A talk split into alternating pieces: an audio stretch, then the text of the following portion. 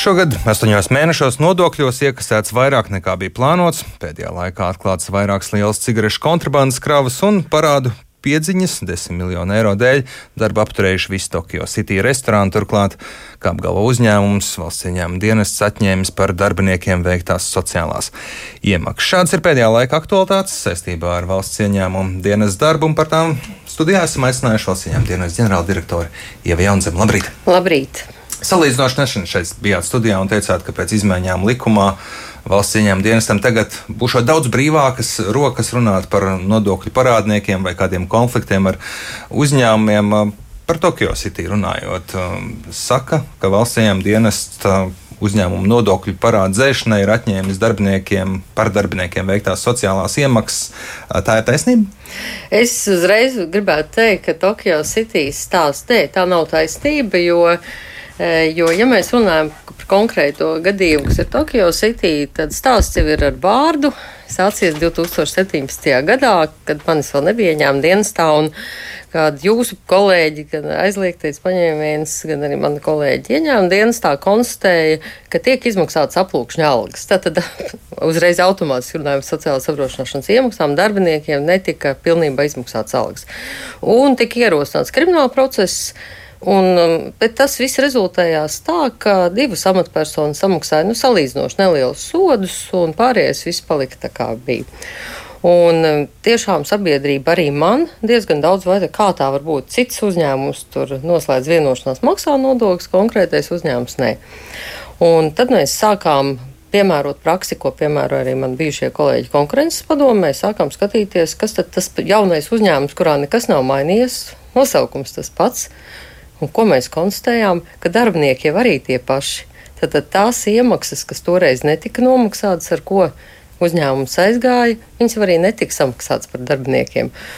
Un ko mēs konstatējām? Ka faktiski visi 250 darbinieki ir strādājuši iepriekšējos uzņēmumos, kuri ir nolikvidēti, un it kā viss notiek, biznesa notiek, valsts budžets nesaņem neko. Respektīvi, kad valsts ieņēmuma dienests atnāk un saka, jums ir nesamaksāta nodokļi, tad uzņēmums uh, bankrotē, likvidējas, tā vietā izveidojas jauns. Tieši tā. Un kas ir in, nevis interesanti, bet kas arī minēts ir lēmumā, tad tās ir tās pašas amatpersonas, tā kundze, kas šobrīd saka, ka tiek kas atņemts, viņa ir strādājusi arī iepriekšējos uzņēmumos. Un mūsdienu tehnoloģijas dod iespēju redzēt gan IP adreses, gan arī visu komunikāciju, kāda ir bijusi. Tad tas, ka ir jauns uzņēmums, tā ir fikcija, ir uzņēmums, kurš ir pārņēmis gan aktīvus, gan piegādātājus, gan darbiniekus, gan arī tie paši vadītāji tur ir konstatējami.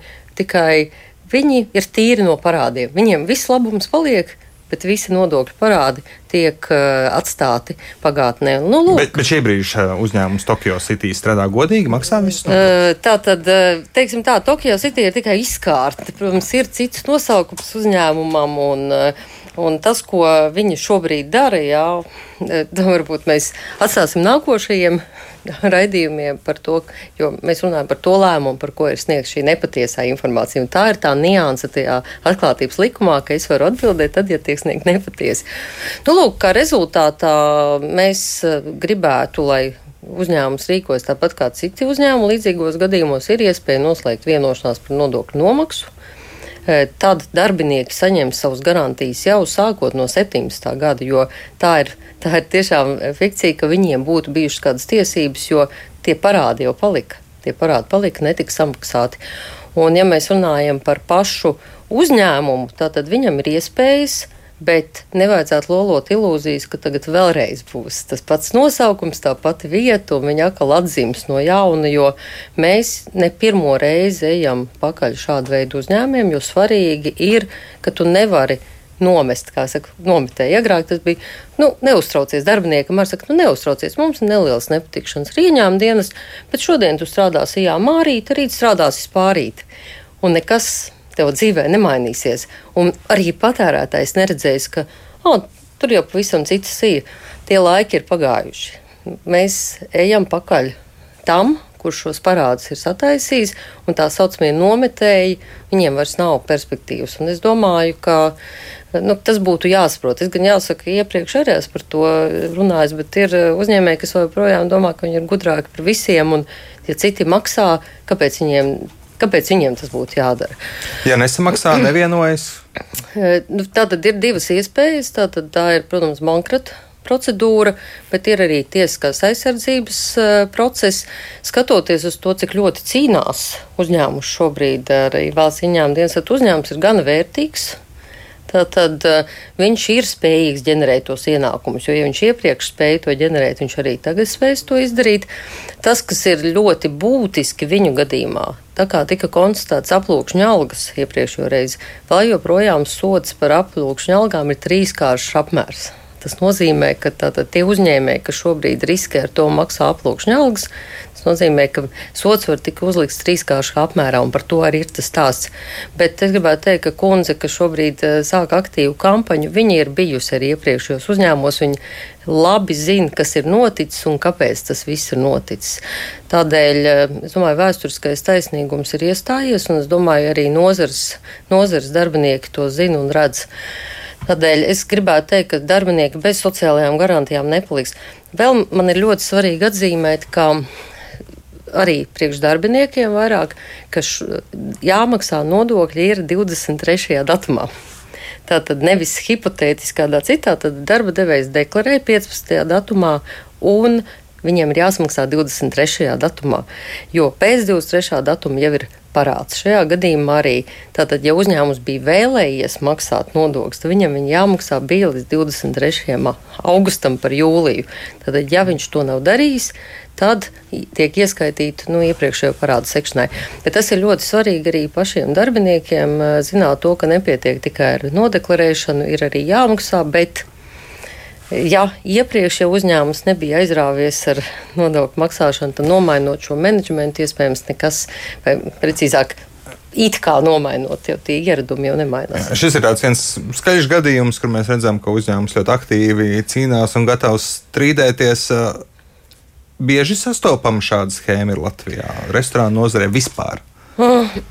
Jāsaka, ka pietiekami bieži, bet ko dara tagad mani kolēģi? Un, uh, mani kolēģi dara to, ka redzot, ka uzņēmums vēlas, nu, kā teikt, nomest. Mēs tagad jau arī šos piemērus liekam galdā un sakam, nedara tā, nāc un grafiku noslēdz. Un lielākā daļa arī to saprot un nāk un taisa grafiku vai tiesiskās aizsardzības uh, uh, procesu iesāk, jo mēs ar tiem argumentiem, kas arī ir izklāstīti Tokyo City ļoti labs lēmums, argumentēts par to, kas noticis, kā noticis pielikumā visi darbinieki ar visiem, visām pārējām, kad viņi ir not, pārgājuši, tātad ejot tam cauri. Eh, saprātīgs uzņēmējs saka, jā, tā ir. Citi uzreiz nomaksā tos parādus, jā.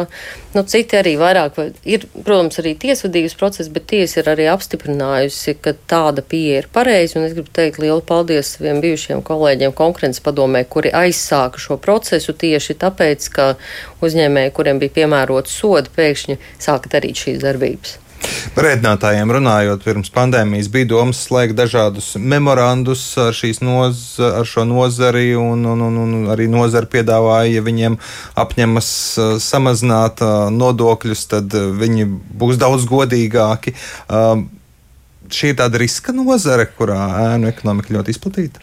Gribu teikt to, ka mani novērojumi laikā, kad plosījās eh, pandēmija, bija atbalsta pasākumi, protams, valsts ieņēmuma dienas bija aizņemts pārsvarā ar to, ka mēs izmaksājam atbalstus un tik daudz kontrolas pasākums neveicām. Paldies visiem godīgiem nodokļu maksātājiem, kas tiešām nestoties uz to, ka mēs negājām kontrolē, eh, maksāja nodokļus esmu novērojuši tendenci, un arī mums ir informācija, čekus nedod, dod atkal pirmčekus. Es gribētu lūgt uh, uzņēmējus to ja nefiskālos dokumentus, un es tomēr gribētu vērsties pie tā, ka, lai nebūtu jākonfliktē ar valsts ieņēmumu dienestu un aicināt lūdzu šīs prakses uh, beigt, jo, protams, atgriežoties puslīdz normālā darba režīmā, mēs atsāksim savas pamata aktivitātes, un tad būs atkal jākonfliktē, kādu mēs nesaprotam, ka ir pandēmija tas ir obligāts nosacījums izsniegt čeku, nevis nefiskālo dokumentu. Krīzēs ir tendence uzņēmumiem censties izdzīvot, iekonomējot nodokļus, ēna ekonomikai pieaugt, bet redzam, ka šī gada pirmajos astoņos mēnešos nodokļu ieņēmumi ir labāki nekā prognozēts. Par ko tas liecina, ar ko tas izskaidrojas? Es gribētu teikt, tas izskaidrojums ir ar to, eh, ko es arī vakardien vēlreiz pārlasīju par eksporta potenciālu. Mainās mūsu tautsemniecības struktūra un tas, ka dažās nozarēs uzņēmumu skaits samazinās un tie, kuri nespēja tikt pāri krīzē krīzei. Viss vienmēr nav sliktā ziņa. Šajā gadījumā mēs redzam, ka eksporta spējīgi darbojās, algas iet uz augšu. Tā gan labā, gan sliktā ziņa. No vienas puses eh, darba spēks kļūst dārgāks, darba samaksa ir pieaugusi. Tas ir, tas ir ļoti labi. Es domāju, tas ir tāpēc, ka mainās eh, struktūra un tie neproduktīvie sektori tomēr vairāk mazāk sarūk un labi iet tiem, kas ir eksportspējīgi. Tā, tā ir ļoti laba ziņa Latvijai, laba ziņa arī izglītības sistēmai. Mēs tagad redzam, ka tomēr inženieri un kvalificētie darbinieki ir pieprasīti, un viņiem arī algas aug. Un savukārt tie, kuriem bija problēmas ar šiem jautājumiem, viņi iet mazumā. Bet es gan domāju, ka jāsaka, eksportspējīgās nozars ir tās, kas šo nodokļu pieaugumu galvenokārt nodrošina. Jā. Tieši tā. Un arī būvniecībā, lai kā man vienmēr jā, jāuzslavē būvniecība par noslēgto ģenerālu vienošanos, eh, ka būvniecībā kā būtiskā nozarei sarūk ēna ekonomika. Varēja sas, protams, straujāk, bet tā ģenerāla vienošanos ir devusi savu rezultātu. Tas nav tikai sasmērēts papīrs, bet arī ir rezultāts. Viennozīmīgi. Šeit pēdējo pāris nedēļu laikā vai ikdienu ir ziņas par kārtējo kontrabandas akciju, preču, visbiežāk cigarešu kravu atklāšanu.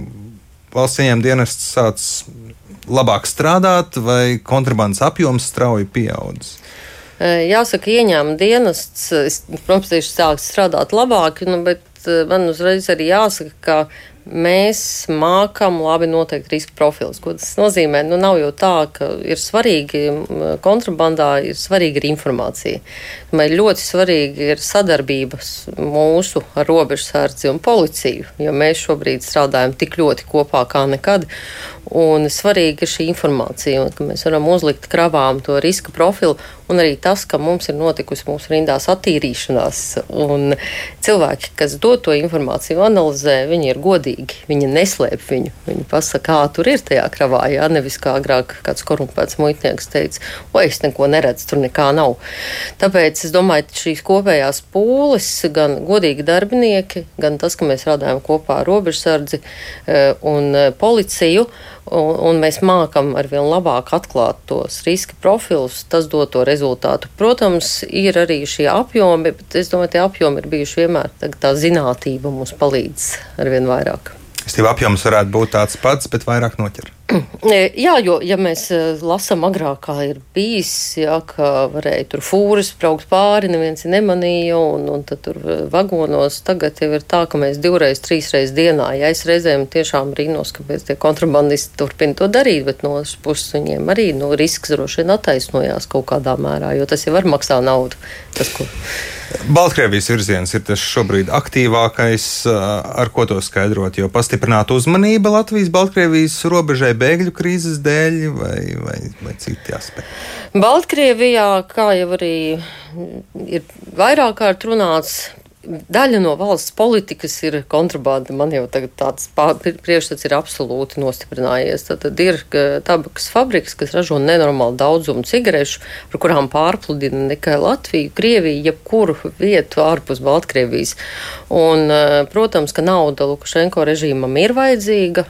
Un e, tā ir būti, tas ir būtisks ieņēmumu e, elements, jo viņas nāk ar Baltkrievijas astīs markām, viņas nāk arī bez akcijas markām, bet tas ir valsts bizness. Tāpēc tādas ir, bet tas netraucē arī šīs pašas cigaretes mēģināt ievest caur Krieviju un arī, arī kravas no Krievijas nāk. Tāpēc es domāju, ka abi divi virzieni tur ir. Mums, mums ir jābūt ļoti modriem gan uz Baltkrievijas, gan uz Krievijas robežas, jo Baltkrievi arī domā visādas schēmas. Respektīvi, Baltkrievijas valdības atbalstīt uh, kontrabandu. Jā, es esmu par to pārliecināta, jo nevarētu redzot to, kā tas notiek. Jā, nevarētu būt situācija, ka, ka nezinu, kas notiek. Tāpēc, ka tie tajās kravās ne jau vienmēr viņš ir uzmetis pa virsmu, viņas arī ir ieraktas, iebetonētas visādos veidos. Nu, tā tad, es domāju, otra puse ļoti labi to redz. Un, ja, tur, ja man kāds teikt, ka tur notiek bez vadības kontrolas kaut kas tāds, nu, diez vai. Paldies par sarunu! Valsts ieņēmuma dienas ģenerāldirektora Jaunzem